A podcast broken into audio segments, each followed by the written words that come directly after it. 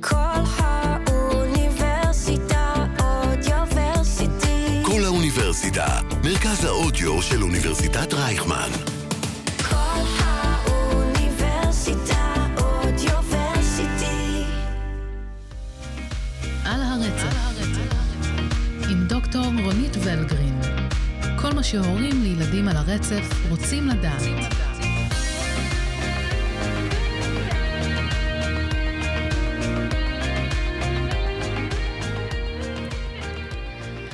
שלום ותודה שהצטרפתם אלינו לפודקאסט על הרצף עם דוקטור רונית ולגרין.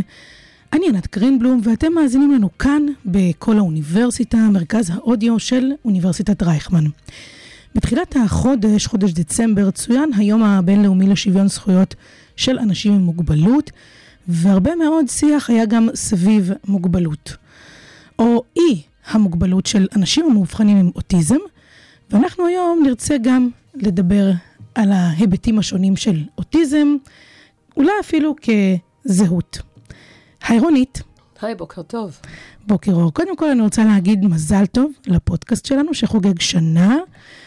אה, זהו הפרק התשע עשר שלנו, יצאנו לדרך בהבנה שיש הרבה מאוד מונחים שהורים לילדים על הרצף היו רוצים ללמוד, ובחרנו להנגיש להם את הידע כאן בפודקאסט. ומאז אה, אנחנו אחת לשבועיים, אחת לחודש מעלות את השאלות בשיחות שלנו וגם מקבלות תגובות מאוד חמות, במיוחד אה, בזכות אה, קבוצת הפייסבוק, פודקאסט על הרצף, שיחות על אוטיזם, שגם היא אגב אוטוטו מונה אלף איש, נכון? נכון, מזל טוב לנו. מזל טוב. טוב, אני, אני יודעת גם שאת מקבלת הרבה תגובות, אז רגע לפני שנתחיל, אה, ספרי אולי איזו תגובה ככה אחרונה שריגשה אותך ממש ממש.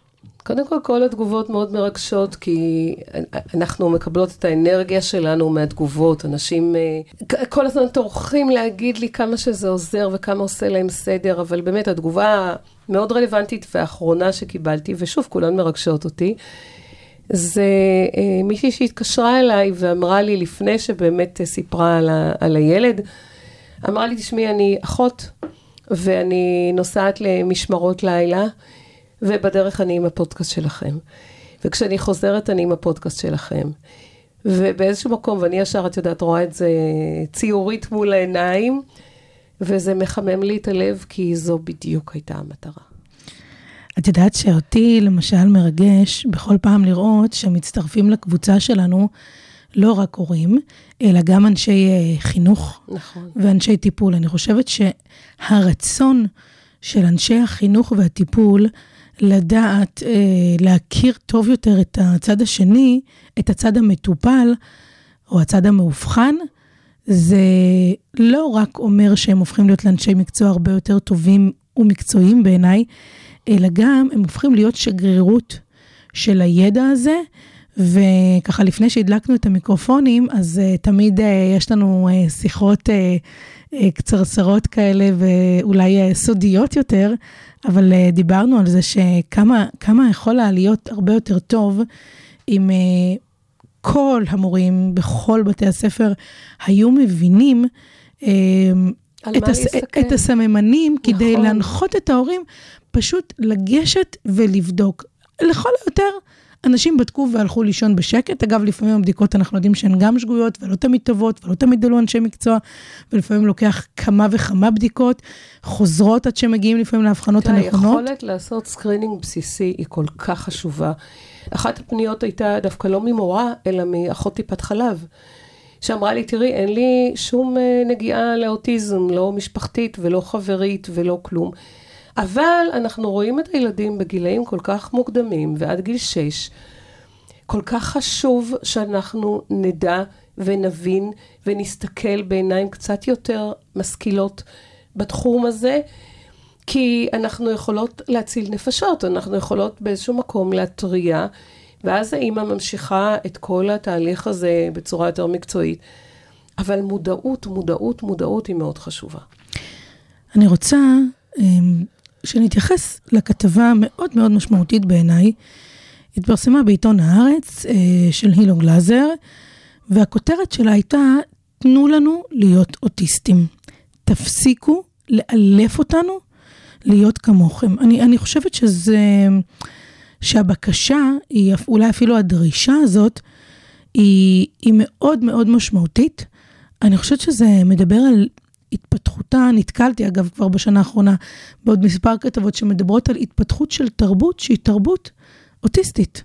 היא תרבות אה, אחרת, היא תרבות שהנורמות שיח שלה והנורמות תקשורת שלה שונות לחלוטין. ואני חושבת שגם הייתה לנו איזושהי גם בשורה מאוד משמחת. אה, אגב, הראשונים אה, לפרסם אותה, צריך לתת להם קרדיט, היה עידן שווים, אה, סליחה, אתר אינטרנט שווים, שעומד בראשותו בן עידן מוטולה עם אה, שותפו, ושם פורסם ששלושה חיילים אה, מתוכנית אה, התקדמו של, אה, אה, של הקצין אודי אלר, יוצאים לקורס קצינים.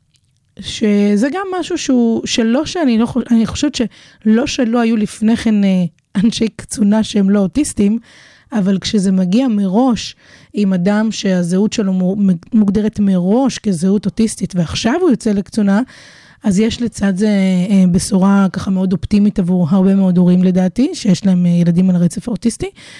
אז אולי נתחיל מאיזשהו בסיס. אני רוצה לשאול אותך, האם את חושבת שאוטיזם היא, היא הפרעה? והאם המילה הדיסאורדר היא, היא נכונה? היא נכונה, היא במקומה תראי. זו שאלה מאוד טעונה, וזו שאלה שמי אני שאתן לך תשובה. אני יכולה להגיד לך, אה, רק מניסיוני ומהזווית שאני רואה את הדברים. למה זו שאלה מאוד טעונה? אני, לך, אני אקח אותך ללא מעט שנים אחורה. לפני תחילת דרכי כקלינאי תקשורת, עבדתי עם אוכלוסייה של לקויי שמיעה. לקויי שמיעה לא נוזלים באוזניים, אלא לקויי שמיעה חרשים. ואז באמת אה, התוודעתי לאוכלוסייה של אה, אנשים מבוגרים עם לקות שמיעה מלידה, עצבית, שאמרו, תנו לנו להיות חרשים. אנחנו לא רוצים מכשירי שמיעה. אנחנו לא רוצים את אה, ניתוחי הקוכלר אימפלנט.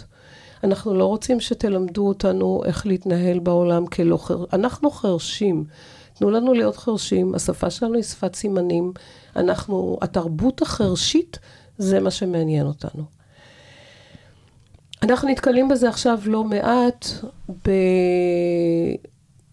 באוכלוסייה של אנשים שמאובחנים על הספקטרום האוטיסטי.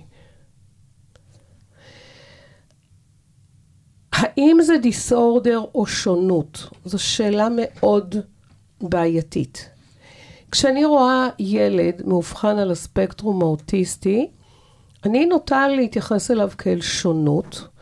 זאת אומרת, התפיסת עולם שלו אחרת, ראיית העולם שלו אחרת, ההבנה החברתית שלו אחרת. הוא רואה את העולם אחרת מבן אדם נוירוטיפיקלי שלא מאובחן על הספקטרום. אבל, כשמצטרף לעובדה שהוא מאובחן על הספקטרום האוטיסטי קושי משמעותי ברכישת שפה, למשל, זה דיסאורדר. אני מקבלת, אני אישית מקבלת את האדם האוטיסט, ומסתכלת לראות את הילד האוטיסט, ומסתכלת לראות איפה קשה לו, איפה הוא יכול בעצם להיות מורווח מטיפול שיאפשר לו להתמודד עם העולם שמסביבו. העולם מסביב הוא עולם חברתי. העולם מסביב, האינטראקציה בו היא אינטראקציה ורבלית. אם לילד האוטיסט, השונות, אוקיי? האוטיסט, יש קושי משמעותי ברכישת שפה, אני לא חושבת שזה נכון להגיד, אוקיי, אז זה הילד, הוא לא רוכש שפה, הוא לא מסוגל לדבר, נכבד אותו כמו שהוא. לא.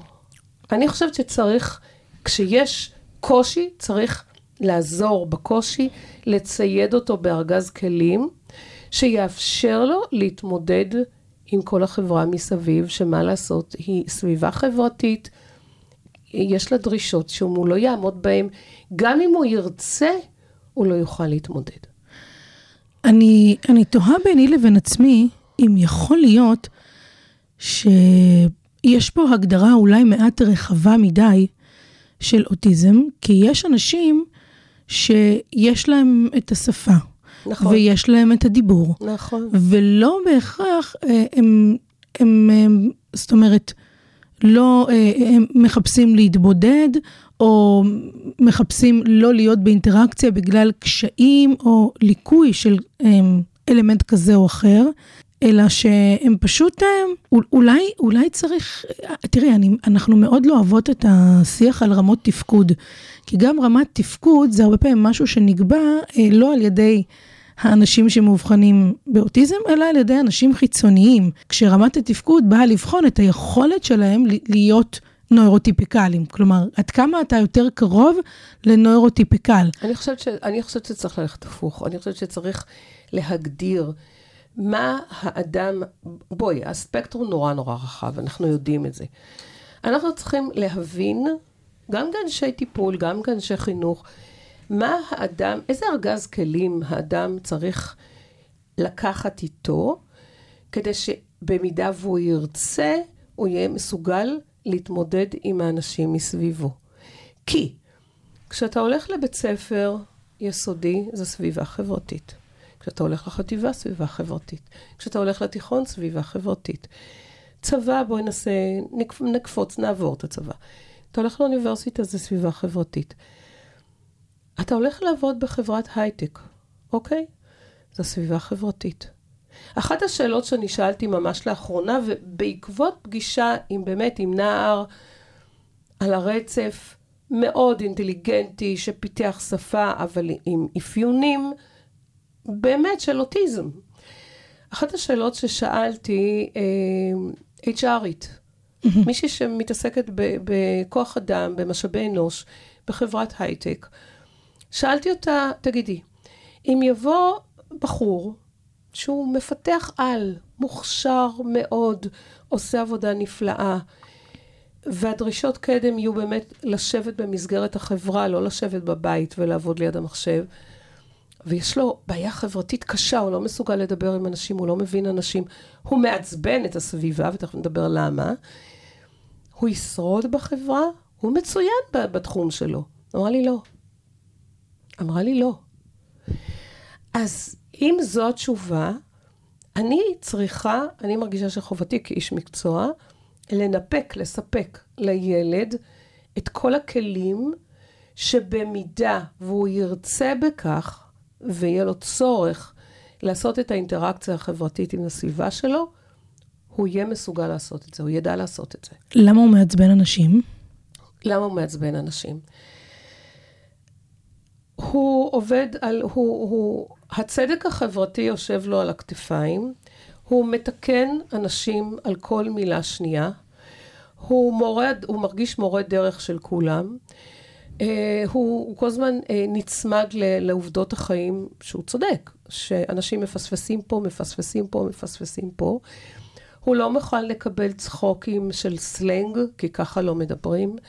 הוא, והתיקון של אנשים, בואי, כיוון שאני מכירה את המטריה, זה לא נובע מאגו, זה לא נובע משחצנות, זה אפילו לא נובע מהרגשת עליונות, זה לא, זה לא. הוא מתקן אנשים כי הוא אומר, אם הוא אומר משהו לא נכון, אני אתקן אותו. אבל הבן אדם שמנהל איתו את השיח, אתה לא יכול לנהל שיח עם בן אדם שעל כל מילה שנייה מתקן אותך. את יודעת, הוא אני... לא, אין לו, דיברנו על תיאוריית ה mind באחד הפרקים. אין לו התייחסות למה קורה, מה המילים שלו עושות לשותף לשיח. כן, theory of mind, בעצם ה, היכולת שלי לחשוב מה חשב האחר. להיכנס לנעליים של האחר. עכשיו, אני, אני יכולה להגיד לבן אדם, אתה מכוער. אם הוא מכוער, אני, העובדה היא בשטח. אני לא אומרת משהו שהוא לא נכון, אני מציינת עובדה. אם יש לי theory of mind, אני הולכת לקיצון, כן? אם יש לי theory of mind, אני לא אגיד את זה, למרות שהוא מכוער. אני לא אגיד את זה כי אני יודעת שזה יפגע בו. אם אין לי את היכולת להבין מה הוא מרגיש, מה המילים שלי, הגישה שלי עושות לו, אני אגיד, הוא, השותף לשיח שלי, יסתובב וילך. לא ינהל איתי שיחה יותר. הבאגים האלה, אנחנו תכף נדבר על אחריות של מי לתקן אותם, אבל הבאגים האלה, אני רוצה לאפשר לאדם האוטיסט, אוקיי? שיהיה מסוגל להתנהל עם החברה. עוד פעם, אני נורא מדגישה את זה, באם הוא ירצה בכך.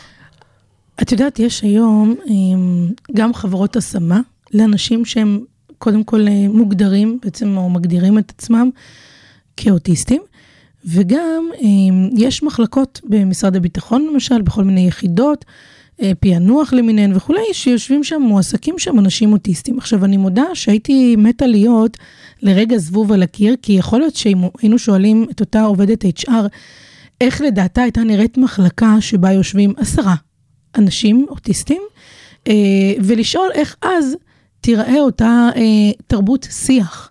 האם שם יהיה משהו אחר?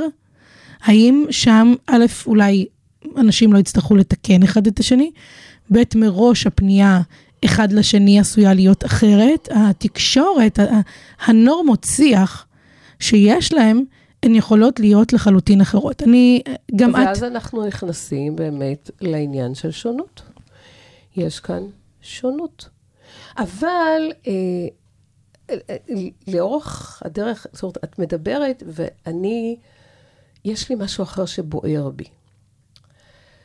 האם האדם ה- על הספקטרום, האם אוטיזם זו הזהות שלו? האם, אני, אני אחדד. אני מנסה, את יודעת, אני, אני מנסה לחדד ומצד שני לא לתת דוגמאות בשטח, כי הדוגמאות יושבות על אנשים, וחלילה לי מלפגוע באנשים. בעולם מתוקן, אוקיי? ב- ב- בלה-לה לנד שאני מנסה לצייר לעצמי, בפנטזיה, אני רוצה ששלושת החבר'ה האלה שהגיעו לקורס קצינים, יהיו שלושה חבר'ה מצוינים שהגיעו לקורס קצינים. לא שלושה אוטיסטים שהגיעו לקורס קצינים. זה שהם אוטיסטים, אני רוצה שזה יהיה חלק מה, מהם, מעצמם. לא, ה, ה, אנחנו נמצאים בעולם שכל הצלחה אוטיסטית מופיעה כהצלחה אוטיסטית. אני רוצה שאם הבן אדם מוכשר, צייר מעולה, הוא לא יהיה הצייר האוטיסט. אני, אני חושבת, אני חושבת שזה, אה, אני לא יודעת אם אני מסכימה איתך, אוקיי. ואני אגיד לך למה. כי אני חושבת שבסופו של דבר, אדם שהוא לקוי שמיעה, הוא לקוי שמיעה. ולי יצא להכיר כמה חבר'ה שהיו לקויי שמיעה, הבדיחות שלהם שונות. ההומור שלהם שונה. כי יש להם מכנה משותף של משהו שהם אה, יכולים או לא. או לא יכולים. נכון. ואני חושבת שבסופו של דבר, הרבה דברים שאנחנו יכולים או לא יכולים, כן מגדירים אותנו כבני אדם. אני אגיד לך, אני אתן לך דוגמה מחיי היום-יום. אמ, אחת הנכויות השקופות המאוד מוכרות בשנים האחרונות היא פוסט-טראומה. עכשיו, אם אנחנו נסתכל על ההיסטוריה הקצרה שלנו, אז אפשר לומר שלחלק מאוד גדול מהאוכלוסייה יש פוסט-טראומה, בין אם היא רדומה ובין אם היא פעילה, אה, חרדות במנעד, אוקיי. אה, ש, שכן מפריע או לא מפריע לניהול תקין של החיים. עם זאת, אנשים שיוגדרו כנכים, אלו אנשים שרמת התפקוד היומיומית שלהם בחיי היום מאוד מאוד מאוד פגועה. עכשיו, אנשים פוסט-טראומטיים, שאני לפחות מכירה אה, במעגל אה, ההיכרויות שלי, הרבה פעמים מעידים על עצמם, אני פוסט-טראומטי. יש פה משהו שמגדיר את מה שאני כן אין לי- מסוגל. עם זה אין לי בעיה, כי אוקיי. כשאתה הולך לעבוד בחברה, אתה יכול לשבת עם הבוס שלך, שמקבל אותך בריאיון, ויגיד לו, תקשיב, אני על הספקטרום אוטיסטי, אי לכך ובהתאם לזאת קשה לי עם אה, ימי גיבוש חברתיים, רעש סביבתי, ולכן אני קצת בורח מהאירועים ההמוניים, כי כל, כל חברה מכבדת אותה. יכול עצמה להיות, עושה. אגב, שלא קשה לו, יכול להיות שכל מה שהוא צריך זה תיווך. זה תצמיד לא, לי לא, לא, חבר מדברת- שיתווך לי, יפרש לי משהו. גם, אבל אני מדברת על למשל חברה עושה יום חברה, ואז מביאים, עושים אה, אה, אה, מסיבה גדולה עם רעש ובלאגן, אני, קשה לי מאוד עם העניין הזה, אין, יש לי רגישות לרעש. אין, עם זה אין לי בעיה, זה הבן אדם. אבל אני, אני באמת הייתי רוצה לראות עולם שמקבלים את האדם האוטיסט לעבודה לא בזכות זה שהוא אוטיסט, לא מוקצים לי פה שלושה מקומות לאנשים מהספקטרום האוטיסטי. אתה מכיר איזה אוטיסט שאני יכול להכניס לחברה שלי, כדי שהחברה שלי תחשב כחברה מקבלת, משלבת, מנגישה, אה, אני צריך פה שלושה אוטיסטים. עם זה נורא נורא קשה לי. לא, אני לא חושבת שיש... אה, תראי, אה, שיש מנהל ש... אני חושבת שזה יותר מורכב מזה. אני חושבת שהוא. יגיד, אוקיי, אני מחפש מתוך חמש- 50 אנשים על הרצף האוטיסטי, אני אבחר את מי שהכי מתאים בפרופיל המקצועי אליי. אנחנו מדברים על עולם לא אבל, קיים. אבל, אבל אני חושבת, אגב, שאת יודעת, יש אה, ביהדות מושג שלא לשמה הופך לשמה. זאת אומרת, גם אם זה יתחיל בזה שאני יודע שאני חייב לאייש. כמו, תראי, יש היום חוק שלא נאכף, אבל שכל מוסד ציבורי מחויב להעסיק אנשים בעלי אה, נכויות, מוגבלויות מוגבלויות, וכולי, חמישה כן. אחוזים. עכשיו, זה לא נאכף, זה לא תמיד קורה, אבל יש חוק. וכן, דווקא אני חושבת שיש בזה משהו טוב, לא הייתי רוצה שיאיישו את זה בכוח. אה, כן הייתי רוצה שתתווסף לזה כמובן דרישה למקצועיות, אבל זה בסדר, כי אם כך אנשים יתחילו לראות איך זאת אומרת נראית... שזה פותח את הדלת. כן, עם זה, זה אני מסכימה. זה לראות תרבות חדשה, אוקיי. זה להבין איך, אה, זה ללמוד אותה, ולא, ולא שתהיה מוקצה או אצל מישהו אחר או במקום אחר, או לא לדעת מה זה, וזה לתת לה את המקום שלה. אני חושבת שככל שהמודעות, אני מדברת לא על החבר'ה האוטיסטים, אני מדברת על החבר'ה הנאורוטיפיקליים. ככל שהמודעות בקרב החברה תהיה יותר גדולה למה זה הספקטרום האוטיסטי, כך האנשים יתקבלו יותר בטבעיות. אני לא רוצה הבנה, אני לא רוצה הכלה. זה, בעיניי זה מילים קצת patronizing. אני, אני חושבת שצריך להבין יותר, לד... ידע זה כוח. להבין יותר, להכיר יותר, לדעת יותר. יש הרבה מאוד אנשים על הספקטרום, לא כולם מאובחנים דרך אגב, אנחנו באמת רואים הרבה מאוד אנשים, אני מזהה אותם, אני מאמינה שהם לא בהכרח מזוהים. ככל שהשונות שה, הזו, ככל שנתיידד עם השונות הזו יותר, הדברים יהיו יותר טבעיים. טוב, זה גם, גם לפעמים באמת קשה מאוד להסביר את השונות הזאת בתקשורת, כי האנשים האלה, שוב, הם לא, אין להם... אה, אה, אין להם מקל או כלב נחייה, ואין להם, נכון, את יודעת, את המכשיר שמיעה, נכון. זאת אומרת, זה באמת אה, לא פשוט להסביר לפעמים נכון, נכון. מה זה, אה, ואיך זה בא לידי ביטוי לכל בן אדם. מה שבאמת אולי מביא לשאלה גדולה יותר של האם להכיר אדם אוטיסט אחד, או קבוצת אוטיסטים, אה, זה, זה, זה ייצוג של כל עולם האוטיזם. קצת מחזיר אותנו לשאלה הראשונה, על, אה, על מחשבות על אה, יכולות תפקוד, התנהלות בתוך תראי, חברה שהיא לא אוטיסטית. תראי, אני נתקלתי, פגשתי, נתקלתי זו מילה לא טובה, פגשתי לא פעם אה, במסגרות של פורומים שונים. בואי, אני אתן דוגמה, מה... זה אני יכולה לתת דוגמה מהחיים, כי זה קרה כבר לפני הרבה שנים. בזמנו היה פורום תפוז, שאני אני חושבת שהוא עדיין רץ, אבל אז הוא היה מאוד מאוד דומיננטי, לא היו עוד פורומים. זה נקרא אוטיזם ואספרגר. אני ישבתי שם כאיש מקצוע, הרבה מאוד הורים שאלו שאלות, אני עניתי תשובות. השאלות היו בדרך כלל לילדים בתחילת הדרך, הילד בן שנתיים, ילד בן שלוש, ילד בן ארבע, קלינאי תקשורת, מה לעשות, אה, כאלה. בשלב מסוים, אחרי כמה שנים אה, שהוא נוהל בהצלחה, ובאמת היו המון אנשים בפורום, וזה היה איזשהו מקום לשאול שאלות שלא היה נפוץ כמו היום, לא היו פודקאסטים, לא... נכנסו לפורום, אני זוכרת אחת, אנשים, חבר'ה, בני 20 פלוס, על הרצף, באישור המנהלת. ואז התחילו מריבות. מה זה אומר? ולמה מריבות? כשאימא שאלה, אה, הילד אה, בגן תקשורת, ואני רוצה לקחת אותו אחר הצהריים לתגבור של קלינאי תקשורת, כי אני מרגישה שזה לא מספיק, לא יכול להרוויח, ואני עניתי תשובה. אה, התשובה מהכיוון האוטיסטי הייתה, תניחו לילד. תנו לו להיות ילד, תנו לו ליהנות. לילד. כי הם זוכרים את זה כאירוע טראומטי. אני, עוד פעם, כי הוא או היא או הם השניים זוכרים את זה כאירוע טראומטי. תניחו לילד, הוא לא צריך טיפולים, עזבו אותו, לא צריך טיפולים, תנו לו להיות ילד, גן שעשועים וכולי. אחלה. אני רואה את הילדים שמגיעים בגיל חמש-שש, לא טופלו, ואני יודעת כמה, אני לא אומרת כי, כי את יודעת, ליבי ליבי, אבל אני יודעת כמה השנתיים, שלוש האלה שעברו משמעותיות להתפתחות שלו. ופה התעוררו המון אה, ויכוחים, סלש מריבות.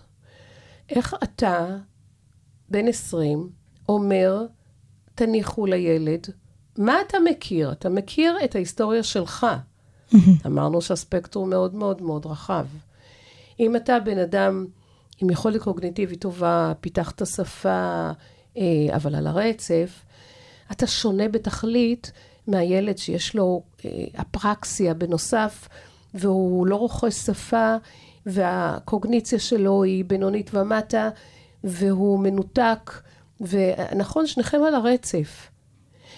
אבל צר לי, זה, אתה זה לא מה יכול זה לתת עצות לאותה אימא של הילד ששונה, נכון, שניכם יא- על הרצף, אבל אתם שונים. זה מה שבעיניי מעורר הרבה מאוד אה, הפרד ומשול מבחינת מיצוי זכויות. זה מה שבעיניי בעצם מוביל לאיזושהי נקודה. זה נכון שאפשר אגב לנוע ברצף, שזה מאוד מאוד חשוב להגיד. זאת אומרת, אפשר לנוע, אפשר- לא רק אפשר, נעים ברצף, נעים בוודאי. ברצף. כן. יחד עם זאת, אני אומרת, יש אה, בוגרים שאני רואה אותם, כמו אגב בכתבה שאנחנו אה, ככה קראנו אותה, שמדברים ומדברות, מתראיינים ומתראיינות לכתבה, אנשים שאובחנו בגילאים מאוד מבוגרים, אחרי שהם כבר היו, אה, והם לא, לא הזדקקו בשום שלב בחייהם לפיתוח שפה, אה, להתפתחות של דיבור, זאת אומרת, הם, הם כל, הבעיה שלהם הייתה בעיה שהם לא הבינו את החברה. נכון. וחשו שהם לא מצליחים למצוא את מקומם בתוך החברה. השאלה היא, אם, אם אנשים כאלו, מה, מה אפשר היה לעזור להם? איך אפשר היה בכלל לשים לב לזה?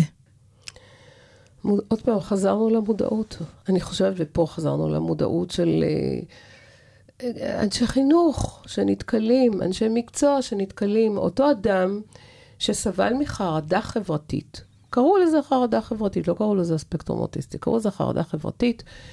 סבל מזה שהוא לא מסתדר עם אנשים, סבל מזה, על- הגיע לפסיכולוגית, כנראה.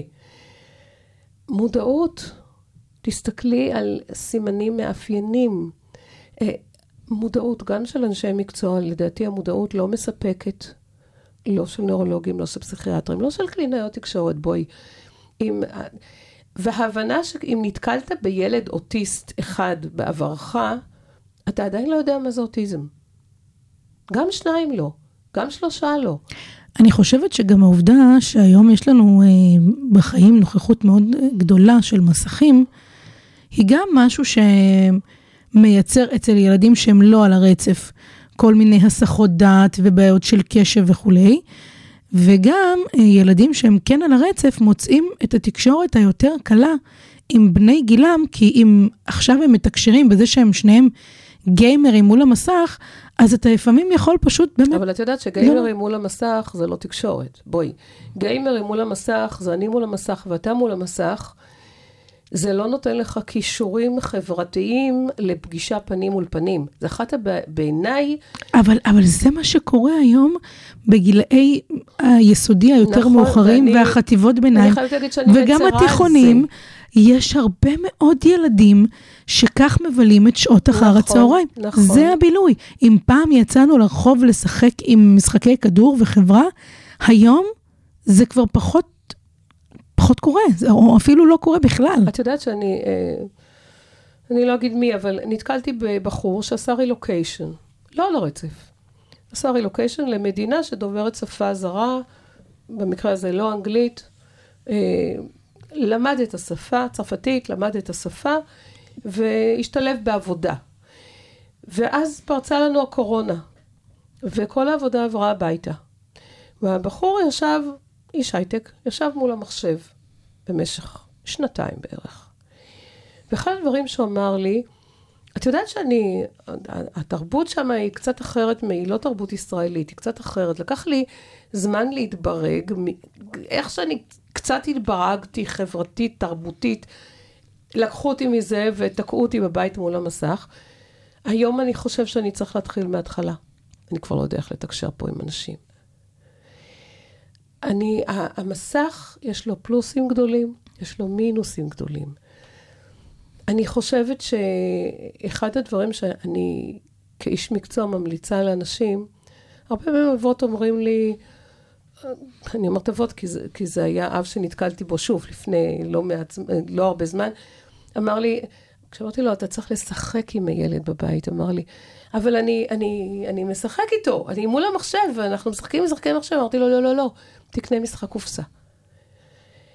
כשאתה מול המחשב והוא, אתם יושבים אחד ליד השני, אתם נהנים ביחד, אתם לא נהנים מהתקשורת הבין זוגית שלכם. יש בעיה עם הקטע הזה.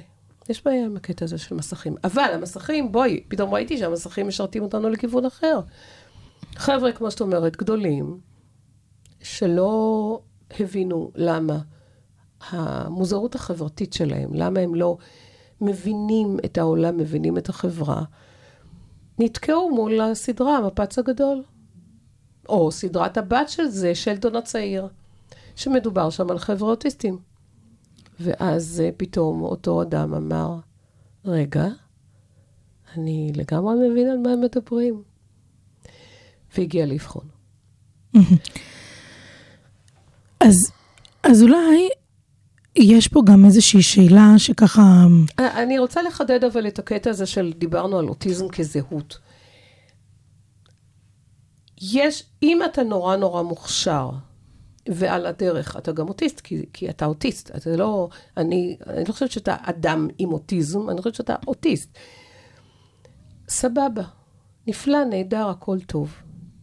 אם אתה לא מוכשר, מצייר, לא טוב, אבל עושים לך תערוכה כי אתה על הרצף, בעיניי זו בעיה. את חושבת ש, שזה לא צריך להיות קודם כל ההגדרה שלך, זה לא הדבר שמגדיר אותך בראש ובראשונה, אלא זה עוד משהו שאתה חי לצידו. יש האומרים, אה, אני פחות מתחברת לאמירה הזאת, מתמודדים איתו, כי אני לא חושבת שזו בהכרח אה, התמודדות. אוקיי. תלוי, אולי תלוי באיזה גילאים, אולי תלוי באיזה נסיבות כמובן. זה אתה. זה אתה. עוד פעם, אם אנחנו מדברים על שונות, זה אתה. אני מבינה, אני חושבת שאני אוקיי. מבינה, אני, אני מצליחה להבין את הכוונה. את חושבת, אה, או מי את חושבת שצריך להתגמש? האדם האוטיסט, שהוא נניח מטופל כל חייו ולומד, או שאולי הגיע הזמן גם אה, להעביר את האחריות קצת לצד השני, לחברה. אם את שואלת, פה תקבלי שתי תשובות שונות. זאת אומרת, מן הסתם, אם תשאלי את האדם הנוירוטיפיקלי, יגיד לך, "אה, סליחה, אבל אוטיסט צריך ללמוד איך להתנהל בחברה. אם את תשאלי אדם אוטיסט, אז הוא יגיד לך, לא, אני רוצה שכל העולם יהיה אוטיסט. אני חושב ש, שלשם אנחנו הולכים. אין שום סיבה שאני אוותר על, על חלק מעצמי כדי להתברג בחברה שלכם. אז השאלה, שוב, השאלה, אנחנו עולים היום על שאלות, אולי לכבוד היום הולדת שנה, אנחנו מעיזים יותר, בוגרים יותר, חכמים יותר, זקנים יותר, אבל אה, אנחנו, אה, השאלות האלה טעונות. אני חושבת שצריך לצייד בידע גם את הצד ה... עם השונות האוטיסטית, וגם את הצד הנאורוטיפיקלי. ככל שאנחנו נבין יותר, אנחנו נדע יותר להתמודד. אני אומרת, אנחנו כחברה, ככל שנבין יותר, נדע יותר להתמודד. אני אתן לך דוגמה פרקטית. ילד בן 12, אוקיי? נער, בן 12, שיש לו קושי חברתי, והוא, אין לו תיאוריית ה mind. והוא אומר דברים, מה שיש לו בראש יוצא לו בפה. זאת אומרת, הוא לא עושה שום צנזורה למה שהוא אומר, כי הוא חושב שככה צריך להיות. הוא לא רואה שום סיבה לא להגיד את מה שהוא חושב ומרגיש. מצד שני, הוא לא לוקח בחשבון את הסביבה. החשיבה הראשונה של הסביבה שתחשוב עליו זה, הוא שחצן, הוא מנופח מאגו, הוא אה, מרגיש עליון על כולם, הוא, ונתקלתי באמירות האלה. וזה לא נכון. זאת אומרת, זה לא בא לא משחצנות ולא מאגו מנופח, זה בא מהבנה אחרת של אינטראקציה חברתית, ואולי מחוסר הבנה שלמילים שלך יש כוח שיכול להצמית, להשבית את השותף שלך לשיח, ואם זה יקרה, הוא לא יהיה יותר. ההבנה של הרגש שזה מעורר אולי גם. להבין שהמילה הזאת, שכשאני... יש לה כוח. כן, יש לה... זאת אומרת, אני, אני עשוי להעליב מונחים נכון. כמו להעליב, כמו... עכשיו, אתה צריך להבין, יכול להיות שלא אכפת לך שאתה מעליב, כי אתה מציין עובדות בשטח, אתה לא אומר דברים לא נכונים. אתה צריך להבין מה אתה רוצה. אם אתה רוצה להיות חלק מ... אז כן, אז יש קודים חברתיים, חשיבה חברתית, שאתה צריך לקחת אותה בחשבון. אם אתה לא רוצה להיות חלק מ... אתה רוצה לשבת בבית, לבד, וטוב לך ככה, אני, מי אני שאני אתווכח על זה? על הרצף, עם דוקטור רונית ולגרין. כל מה שהורים לילדים על הרצף רוצים לדעת. עוד פעם, אני חוזרת על האמירה המאוד התחלתית. כשילד צעיר, ואנחנו ההורים בעצם קובעים בשבילו, אוקיי? אני חושבת שתפקידנו כהורים, אני עכשיו עוברת לכובע של ההורה, לצייד, זה לא משנה אם הילד הספקטרום או לא, לצייד את הילד בארגז כלים שיאפשר לו להתמודד בהצלחה עם העולם. אי לכך ובהתאם לזאת, אם לילד יש קושי בשפה, בדיבור, בתקשורת, זו קלינאי תקשורת, יש לו קושי במוטוריקה, זו מרפאה בעיסוק או פיזיותרפיה, ו- וכן הלאה. אחר כך, כשהילד גדל, הוא יעשה עם כל הטוב הזה שאפשרנו לו, מה שהוא רואה לנכון.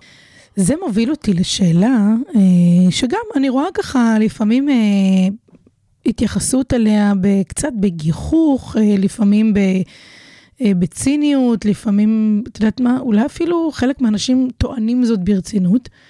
האם יש בכלל אה, כרטיס יציאה מהאוטיזם? האם קורה שבן אדם שאובחן כלוקה באוטיזם, פתאום לא לוקה באוטיזם? אני חושבת שכמספר האנשים שתשאלי, מספר התשובות שתקבלי. אבל אני אגיד לך מה אני חושבת. אני חושבת שאין כרטיס יציאה, כי אני לא רואה את זה כאדם עם שפעת. אני חושבת שזה הבן אדם.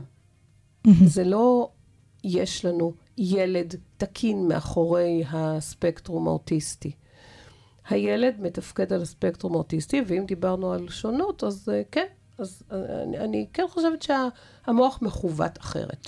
ונניח שעבדו איתו, כלומר, אה, הוא נלקח להרבה אנשי מקצוע מומחים בתחומם, שיכלו שה- לתת לו את אותו ארגז כלים, ועכשיו הוא יודע להשתמש בו. יופי. אני חושבת אז? שאנחנו יכולים לאפשר לו התקדמות משמעותית בכל הנקודות שהיה לו מאוד קשה בהן. בואי, בכל ההיסטוריה שלי, זה 45 שנה של טיפול בילדים, אלפי ילדים.